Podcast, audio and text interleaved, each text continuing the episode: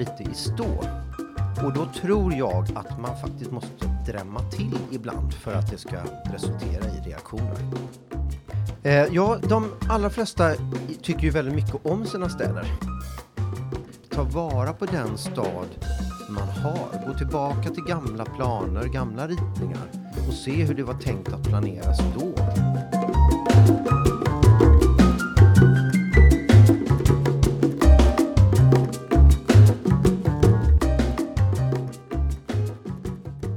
Hej och välkomna till Esplanad, en podd om staden, trafiken och framtiden, producerad av Trivector. Jag heter Caroline Ljungberg Tolsson och jag jobbar på Trivectors Lunda-kontor. Och jag heter Axel Persson och jobbar på Trivectors Göteborgskontor. Och det är här vi befinner oss idag för att ta emot dagens gäst, Mark Isitt. Han är eh, författare, journalist och arkitekturkritiker. Välkommen Mark! Tack så mycket. Hur, väldigt roligt att ha dig här. Väldigt roligt att vara här. Ja, kul. Eh, du är minst sagt aktiv i debatten om arkitektur och stadsplanering i Sverige. Och du har varit arkitekturkritiker på Göteborgs-Posten i tio år, syns i flera SVT-produktioner, eh, också gjort reportageserier på Sveriges Radio. Eh, skrivit flera böcker, nu senast om Stockholms tunnelbana. Hur kommer det sig att du har svängt in just så på det här ämnet? Eh, ja, min historia är lite brokig. Jag har ingen arkitekturutbildning, vilket ju i sig är lite regelbrott när det kommer till arkitekturkritik. Man ska vara arkitekt för att kunna skriva om arkitektur, så säger kutymen. Mm. Eh, det har inte jag, och det är både på gott och ont skulle jag säga. Det gör att jag har jag är inte i säng med någon arkitekt. Jag skriver inte om tidigare kursare eller kollegor eller någonting sådant, utan jag är helt fri att tycka vad jag vill. Mm. Men det är naturligtvis en uppläsningsperiod inför varje jobb som kanske är lite mer omständig än för en utbildad. Just det, du har lite utifrån perspektiv. Ja, kan man säga. precis, precis. Och min ingång till arkitekturvärlden är väl genom mina föräldrar som alltid har kuskat runt och visat eh, kyrkor och andra intressanta byggnadsverk runt omkring i Europa. Mm. Ehm, och sen så har jag, hade jag ett vansinnigt roligt jobb 1993 och det var att skriva manus till en stor Leonardo da Vinci-utställning i eh, Sverige. Den började på Roseum eh, nere i Malmö och sen så var den uppe på Eriksbergsvarvet här, eh, Eriksbergshallen och eh, Ku- Kulturhuset i Stockholm och så vidare. Och Leonardo, han var ju kanske först och främst en arkitekt. Sen roade han sig med att måla lite grann vid sidan om. Just det. Just det. Mm. Ja. Spännande. Så det, det är så man blir arkitektkritiker. Precis. Arkitekturkritiker. För Mm. du är journalist i, i botten så att säga? Ja. Ja, just det. Och du har ju under de senaste två åren så har du haft en programserie i P1 som heter Stadsinspektionen. Eh, och där har du rest land och rike runt till 16 mellanstora städer eh, i Sverige. Eh, och den senaste säsongen så besökte du bland annat Östersund och Borås, Sigtuna, Norrköping och Haparanda. Det är väldigt spännande att följa dig i de här eh, avsnitten som vi har, har eh, lyssnat på en del nu. Tack. Vad är det som är så intressant med de här mindre städerna? Ja, vi valde att inte eh, titta på de tre stora städerna. Nej, jag har Ehm, förstått det. Ja, Stockholm, Göteborg och Malmö. Utan vi valde att titta på de lite mindre städerna. Och vi tänkte att de mindre städerna eh, är ju förstås lika angelägna för alla som bor i de städerna som Stockholm, Göteborg och Malmö är för de som bor i de städerna. Ehm, och det är väldigt få som tittar på landsorterna. Ehm, så därför så var det lite öppet mål egentligen eh, att göra en radioserie om dessa. Eh, och sen är det ju fruktansvärt intressant att se vilken högkvalitativ arkitektur det ändå finns i dessa småstäder. Och det är fruktansvärt intressant att se hur den handskas, hur man handskas med den idag. Just det.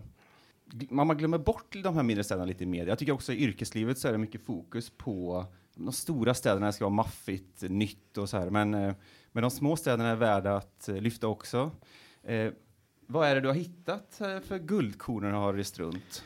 Ja, jag gjorde en liten lista över de, det, det bästa under den här senaste säsongen. Varje säsong består av åtta eh, städer. Och ehm, eh, bästa museum, Arbetets museum i Norrköping och hela det gamla industriområdet i Norrköping är ju fullkomligt fantastiskt. Bästa kyrka, Haparanda kyrka. Som ser ut som en silo ungefär och inte är ett dugg insmickrande men som är bara så stilig på insidan. Den, det är en sån kontrastverkan där mellan ute och inne. Eh, bästa centralstation Hagfors.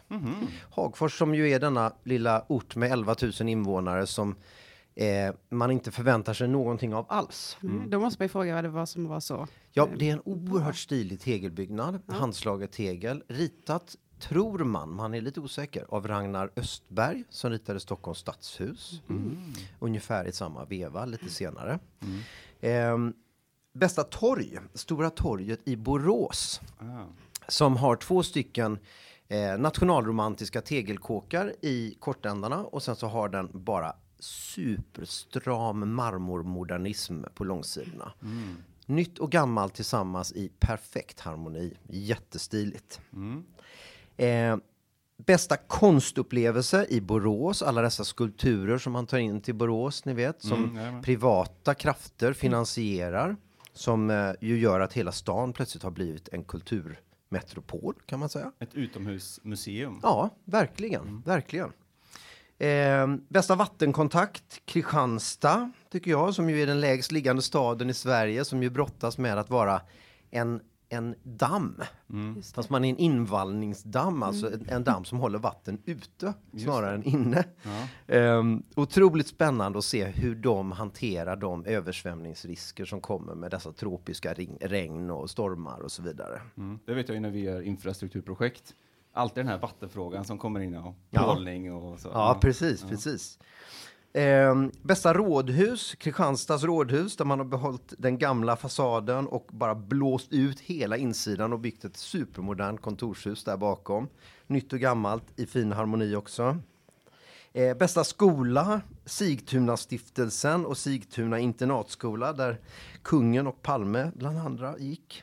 Bästa polishus, Östersund som är en stenhård svart kloss tidigare i rostig kortenplåt, nu i något annat lite, inte fullt så stenhårt material men ändå askaxigt.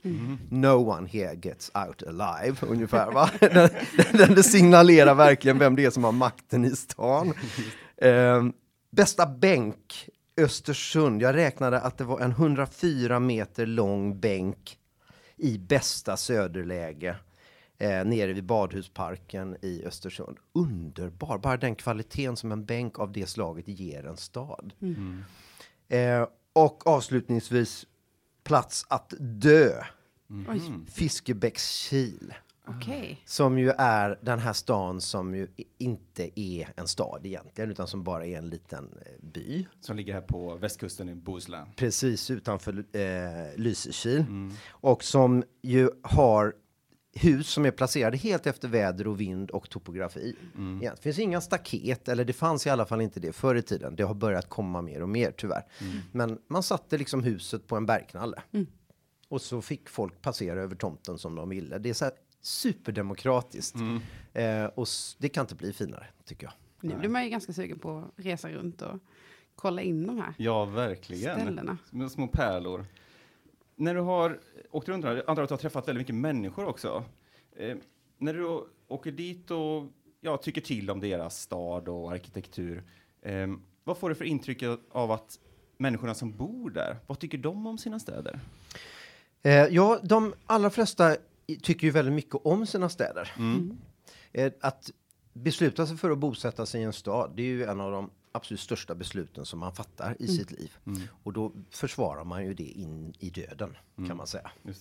Och jag tror att eh, konceptet bakom den här radioidén som ju bygger på att den här Stockholmsbaserade kritiken åker ut i landet i slips och kostym och liksom spankulerar omkring och kritiskt granskar. Och sådär. Den är ju väldigt elitistisk den idén. Men jag tror att den är absolut nödvändig att det är någon utifrån som som kommer och tittar. För jag tror man är alldeles för hemmablind alltså för att kunna göra det själv. Man kan inte kritisera sin egen ort. Har Man du behöver någon någon. som har gjort det?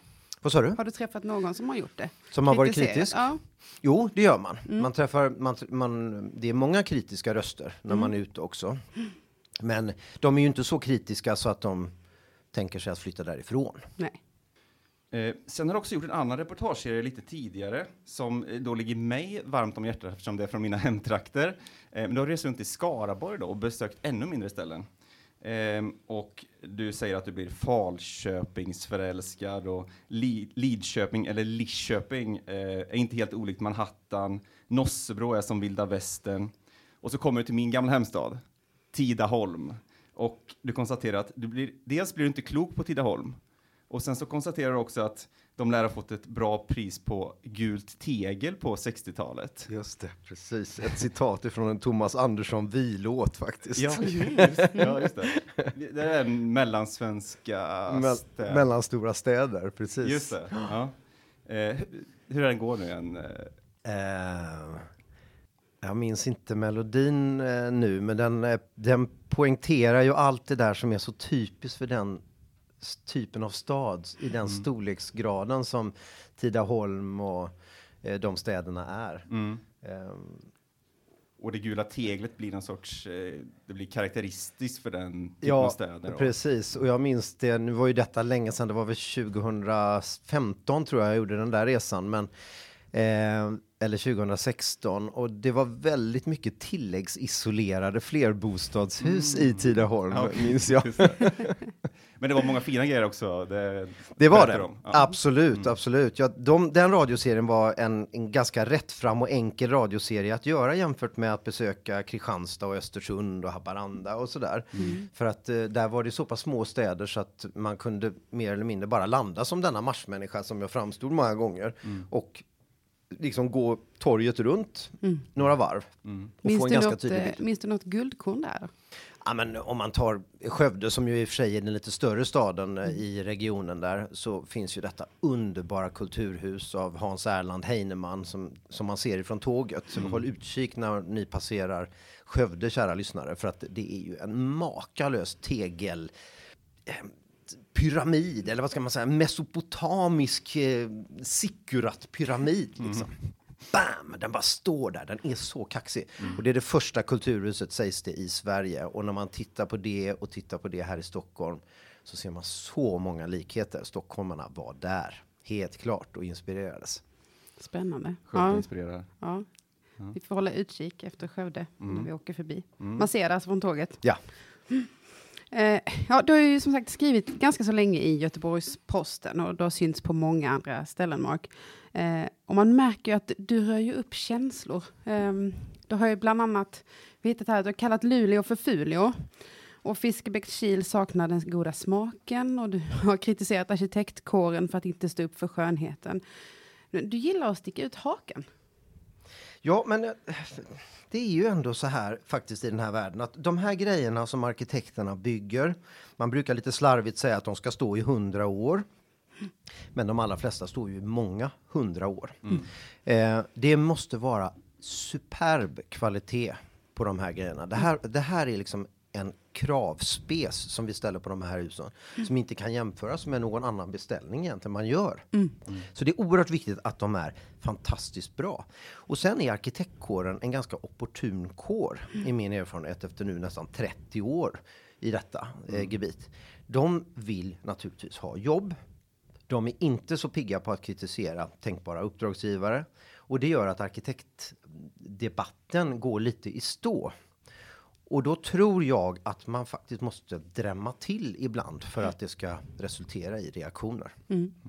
Be- Behövs det ännu fler som står på, vad ska man säga, på barrikaderna och säger det, så här ska vi inte bygga eller hur bör man se på den, de frågorna? Jo, det behövs väldigt många fler och det behövs väldigt många fler arkitekter. Eh, idag får ju arkitekterna enormt mycket kritik. Det är ju en verkligt ifrågasatt, yr, ifrågasatt yrkeskår idag. Eh, utav exempelvis arkitekturupproret som jag tror liksom börjar närma sig 40 000 medlemmar. Och det är bara två år gammal organisation och eh, långt ifrån den enda organisationen med den agendan att modern arkitektur är kass. Eh, och modern arkitektur är naturligtvis inte kass. Det går inte att bara avfärda eh, den på det viset. Där behövs ju arkitekterna. Arkitekterna måste ut och visa på vad som är bra med modern arkitektur. Och jag tror att man egentligen som arkitektkår håller med arkitekturupproret i väldigt mycket. Arkitekturupproret förespråkar en mer omsorgsfull arkitektur och det finns knappast någon av de arkitektkontakter jag har kommit i kontakt med genom åren som skulle protestera mot det. Det är klart att de vill ha det. Men det är väl en, just den här debatten om ar- arkitekturupproret. Eh, då förespråkar man mer traditionell stil, lite mer utsmyckade fasader kanske och så. Um, och det verkar ju vara en väldigt känslig fråga. Ett exempel, exemplet som kanske har eh, debatterats mest är det här 1800-talshus, eller ja, eh, huset i 1800-talsstil i Växjö. Eh, och som jag förstod det var det knappt någon arkitekt som ens ville rita det här för att vi ska inte bygga hus i gammal stil. Eh, hur ser du på de här? Eh? Nej, precis. Och det är ju ett väldigt duktigt arkitektkontor i Stockholm som har ritat det, eh, som heter Spridd Arkitekter, Mm. som också har ritat ett hus i Norrköping som också blinkar lite till historien. Mm. Eh, ja, det finns ju en tendens bland arkitekter att eh, bli lite bokstavstroende och att eh, jag är modernist, jag är ingenting annat. Men jag tror att den bilden börjar nyanseras. Jag tror att eh, man på utbildningarna ser fler och fler som ritar hus i klassisk stil. Eh, och det är ju ganska korkat tycker jag att säga att jag ritar bara hus i en enda stil. Alltså varför, varför välja ensidighet när man kan ha mångsidighet? Men ska man rita ett hus ehm, som lika gärna kunde vara byggt för hundra år sedan?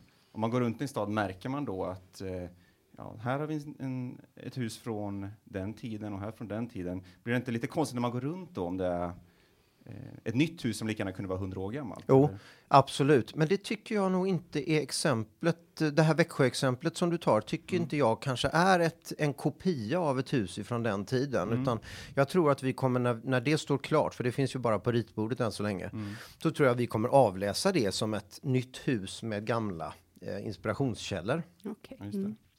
Mm. Jag funderar också på det just eftersom du ehm, sticker ut hakan och vågar eh, säga vad du tycker och ibland säkert eh, provocerar. Får du en del mothugg tillbaka? Ja, det Ja. får jag, men faktiskt förvånansvärt få, ska jag säga. Det, det är allt som oftast eh, applåder. Mm. Jag känner mig lite grann, det låter lite skrytsamt, men jag känner mig lite grann i Göteborgs-Posten som att jag är göteborgarnas representant i samtalet med politikerna och tjänstemännen. Jag tycker det känns som att jag för en ganska bred eh, grupps talan. Men är det så då? By, byggs, det, byggs det bara lådor som, eh, eh, som det uttrycks på vissa sätt? Eller vad, vad, tycker du om, vad tycker du om dagens arkitektur? Ja, men det finns ju en väl, ett väldigt fokus på kvantitet och ett väldigt litet fokus på kvalitet. Det rullas ju ut nya bostadsområden i, eh, under den här bostadsbristfanan. Eh, liksom. Att vi måste bygga väldigt, väldigt fort och det kan byggas billigt som tusan för nu ska vi vara schyssta och ge människor en plats att bo. Eh, och då får man ha överseende med att det ser fan ut om det ungefär. Det är väldigt många sådana områden som har på senare år rullats ut över oss och eh, som vi naturligtvis måste opponera oss mot och som arkitekterna som de skönhetsivrare som arkitekterna ska vara. Det är liksom det menar jag som är arkitektens kärnkompetens. Att skapa städer, skapa enskilda byggnader som skapar trivsamma miljöer som vi tycker om eller som vi förhåller oss till. Som har karaktär nog att liksom få oss att reagera. Ehm, och den tycker jag, den rollen har de lite grann lämnat åt andra. Vad, vad, vad tror du det beror på? Ja, men jag tror att det är en följd av um, um, funktionalismen, alltså modernismens genombrott, där man ju eh, eh, omfamnade det, den rationella produktionen av hus, men de var ju exceptionellt väl ritade initialt under de första decennierna.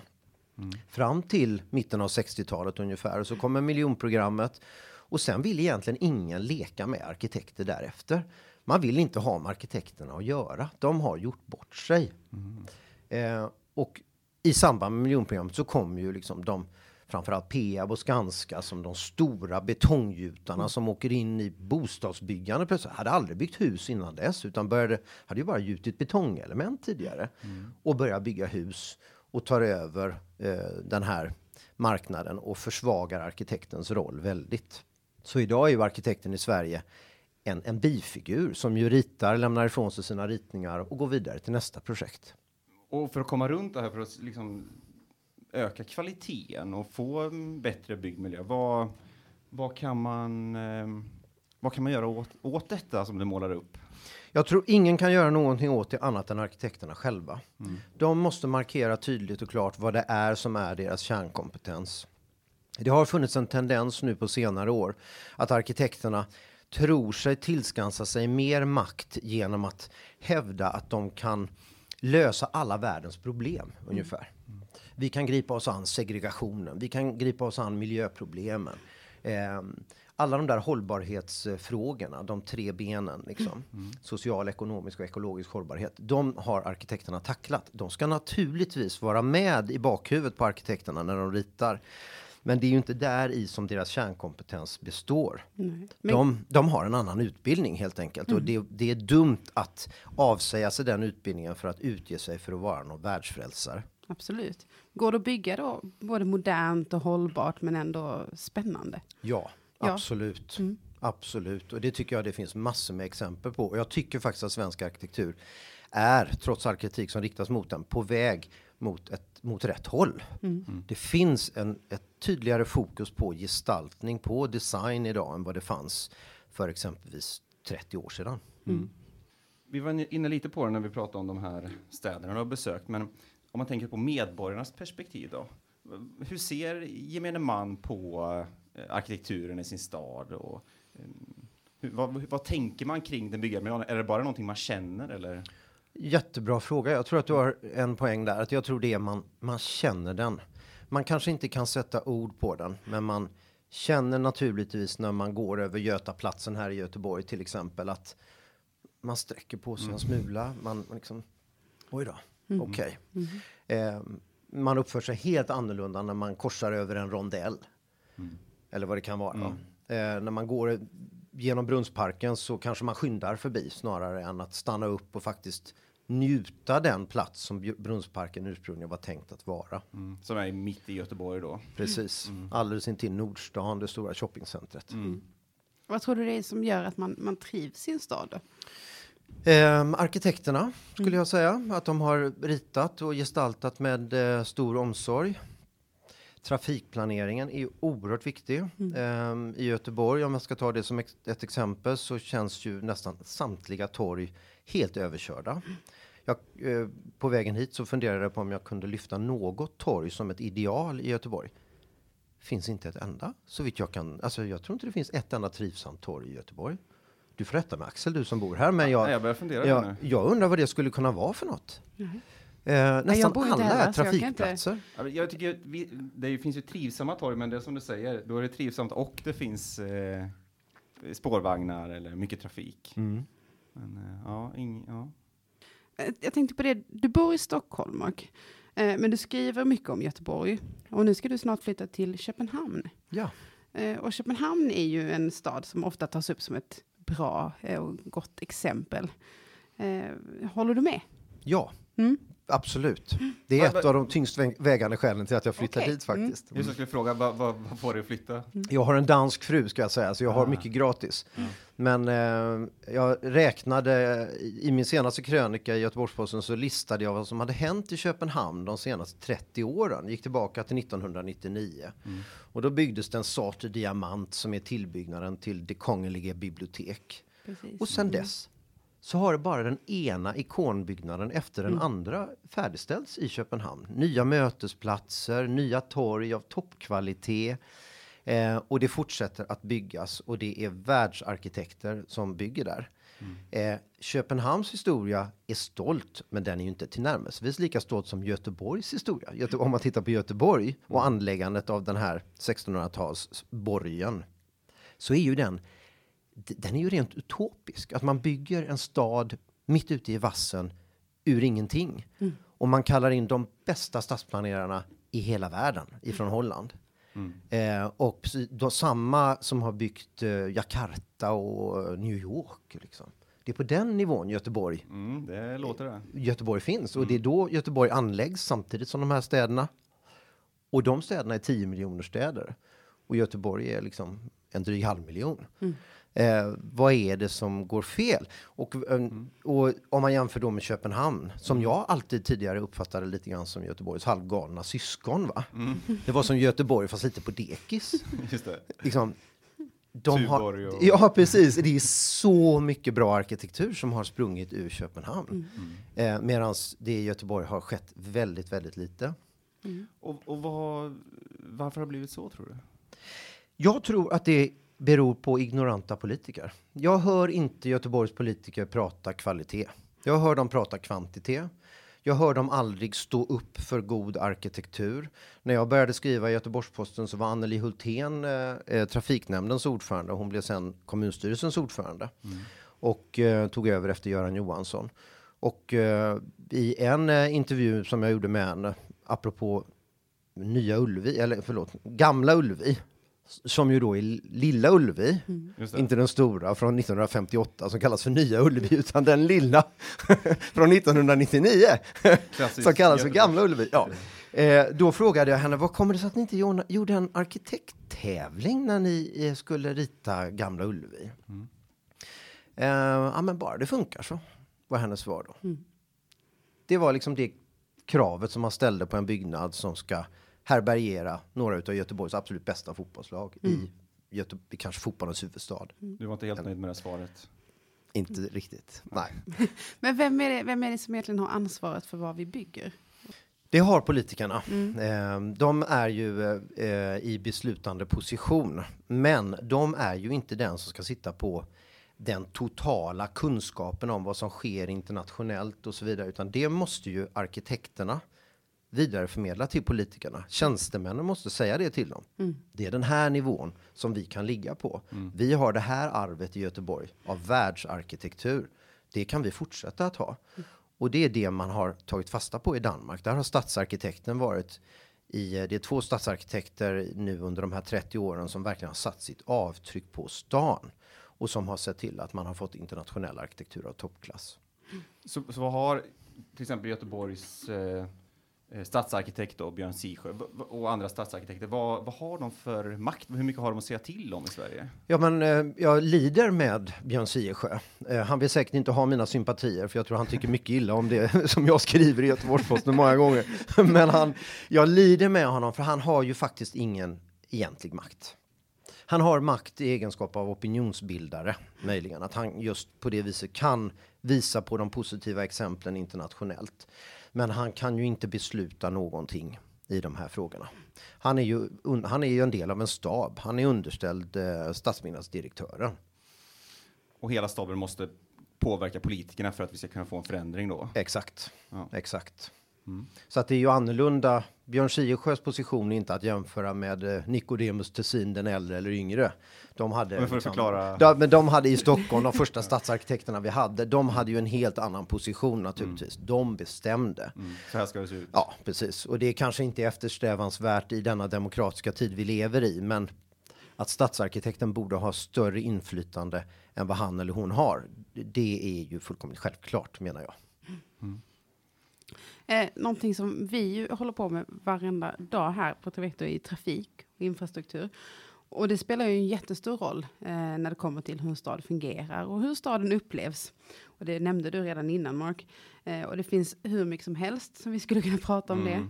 Eh, en fråga som kommer upp mer och mer är att det finns en målkonflikt mellan snabb kollektivtrafik kontra långsam livability. Alltså vissa vill ha en snabb transport för att ta sig mellan A och B och andra tycker att, att det bildar en barriär som gör att man inte kan exploatera som man vill eller att det stör stadslivet på olika sätt. Hur ser du på de här frågorna? Ehm, ja, ehm, det knyter lite an till Västlänken kan jag känna. Mm. Är det alright att prata västlänk eller är det så infekterat så att man helst inte gör det eller? Det, det är både och. Ja. Det är okej att prata om, Ja. det är infekterat. Ja, så det kan det. säga.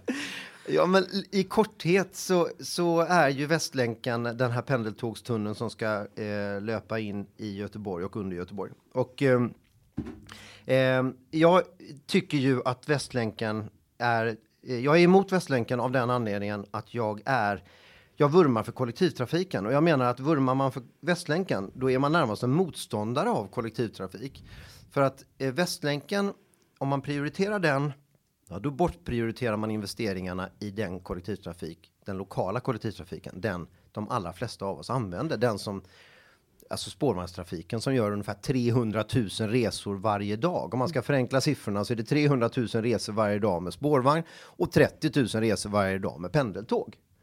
Eh, och eh, enda skälet till att man gör den investeringen i Västlänken menar jag, det är man vill mjölka omlandet på så mycket kreativ kraft som möjligt. In med dem till stadskärnan i Göteborg så man får det här företagsklimatet som kan leda till ökad företagsamhet och, och goda idéer och så vidare. Eh, det är ju förståeligt att man gör det.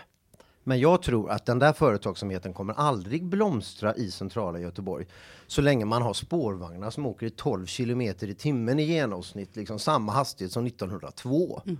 Men om alternativet är att folk åker in eh, på samma sätt men med bil då? Ja, men det är ett alternativ så länge spårvagnen uppför sig som den uppför sig, skulle jag säga. Mm. Um, den, jag ser inte att det, problemet är i infarterna till Göteborg, utan problemet är i kommunikationen inne i stadskärnan. Mm. Att det är där man måste lösa det. Jag hörde att i, eh, i tunneln i Malmö, Citytunneln, så var det 15 till 20 procent skedde liksom inom staden. Så den användes lite som en tunnelbana. Eh, möjligt att Västlänken kanske kommer användas på ett liknande sätt. Möjligen, mm. um, men för de för, framförallt tror jag de här 30 000 som kommer uh, åka in till stan. Man jämför ju ofta Göteborgs satsning på Västlänken med satsningarna nere i Malmö och i Stockholm med mm. Citybanan till exempel. Men jag tror Citybanan nästan har 300 000 passagerare varje dag eller eh, resor varje dag mm. och att de resorna går ju åt båda hållen i Göteborg går ju inte resorna. Ja, några går till Borås kanske, men det är och Skövde möjligen. Men det är väldigt få resor som går den vägen. Men i Stockholm går de ju till Västerås och Uppsala till exempel. Så att det är ganska jämnt fördelat mellan in och utfarter. Mm. Alingsås och Kungsbacka och får jobba vidare för att dra, eh, dra folk då helt enkelt. Eh, men om man då eh, tänker på de här frågorna kring eh, långsamt och snabbt och vi var inne på det här med eh, organisationen på staden. Eh, om man tänker kring det, det finns ett stadsbyggnadskontor, så finns det ett eh, trafikkontor. Eh, så ser det ut på väldigt många ställen i Sverige. Finns det något problem med att man delar upp det så på det viset? Det är ändå en stad vi ska bygga, eller? Ja, jag tycker det är ett väldigt stort problem. Jag tycker att trafikkontoret borde vara en integrerad del av stadsbyggnadskontoret. Man kan inte bygga stad utan att planera för trafiken. Det, det kan inte vara eh, två separata kärl, utan det måste kommunicera. Eh, så som det var eh, förr i tiden. Jag, ja, jag tror att det måste vara en och samma institution som sköter planeringen av både trafik och eh, stad. Och det finns ju liksom ett lustigt exempel naturligtvis på detta är ju den här så kallade biltvätten uppe på Götaplatsen. Den här fontänen som står utanför stadsbiblioteket. Där ju stadsbyggnadskontoret som vill bygga stad har tagit fram en gestaltningsplan för hela Avenyområdet där det ska vara en vacker vattenspegel som ska spegla eh, strålkastarskenet liksom från gatlyktorna. Ehm, eh, och in kommer då trafikkontoret eftersom den här vattenspegeln ska ligga i en gata så landar det på deras ansvar att eh, göra den här gestaltningen och de gräver ett stort 5 gånger 5 meter stort hål i eh, Avenyn och installerar något fontänaggregat för det är så de har fått för sig att det ska göras. Mm. Det finns liksom ingen gestaltningskunnig person involverad i det projektet mm. för framåt sista skedet och man måste helt enkelt rädda det som räddas kan. Mm. Eh, Stadsbyggnadskontoret hade ju naturligtvis arbetat helt annorlunda med den frågan och hade de varit en och samma organisation så hade ju inte det här uppstått. Barn, nej, barnen gillade ju det här väldigt mycket att springa och leka i fontänen. sen blev problemet att det är ju busstrafik precis bredvid, så då fick man sätta upp eh, glasstaket på sidorna också. Just det. Ja. Mm. Men en fråga om man ser då eh, bortom Göteborg och, och Västlänken och allt. eh, Någon stad som man faktiskt har lyckats, som du tycker har lyckats med trafiken, infrastrukturen, staden i samspel. Behöver inte vara i Sverige. Knivig. Knivig fråga. Mm. Mm. Ehm, precis. Men eh, går det att lyckas? Ja, Mm. det gör det. Absolut, skulle jag säga. Jag tycker att det är ganska lätt att sätta fingret på vad som är problemet om jag tittar på Göteborg. Känner man sin stad så tror jag man kan ganska snabbt se var i problemet består. Mm. Och inner stadskärnan i Göteborg, 1600-talsstaden i Göteborg, är ju lite sönderskuren utav sin spårvagnstrafik. Eh, ta bort den därifrån och gör en ringled runt 1600-talsstaden istället. 1600-talsstaden är ju liten. Man kan jämföra den med Gamla stan ungefär. Så man får gå och Precis. cykla. Och, Exakt, det finns ju ingen spårvagnstrafik som ränner rakt igenom Gamla stan på, på, eh, på längden och, och tvären liksom. Ehm, varför kan man inte gå 500 meter från allén när man ska in och möta någon vid Kopparmära? Mm.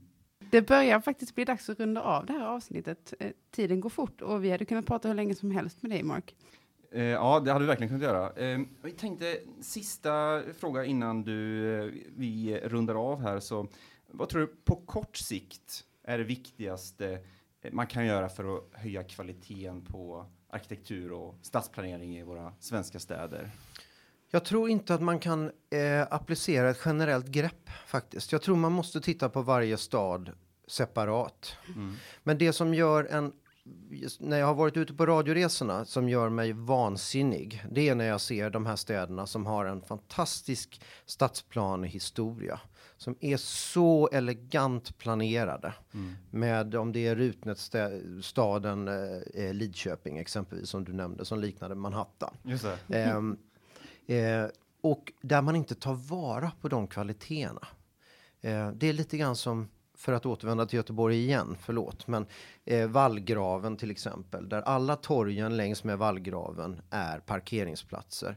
Det är bästa söderläge, det är närhet till vatten, det är närhet till grönska, det är fantastiska siktlinjer upp och ner för kanalen och vallgraven. Det är klart att det ska vara mötesplatser. Ta vara på den stad man har. Gå tillbaka till gamla planer, gamla ritningar och se hur det var tänkt att planeras då. Eh, och försök att återskapa det nu. Skulle man återskapa Göteborg så som de här holländarna en gång byggde det. Då skulle ju Göteborg vara en av norra Europas absolut vackraste städer. Ta vara på det, de kvaliteterna som finns. I Precis. olika städer. Och det Exakt. finns inget recept som funkar för alla. Nej, Stort tack för att du ville gästa Esplanad, Mark. tack för att jag fick komma. Tack så mycket. Tack. Vill du veta mer om podden eller om Trivector? Besök då trivector.se. Och har du tips eller tankar om podcasten? Hör av dig till esplanad@trivector.se.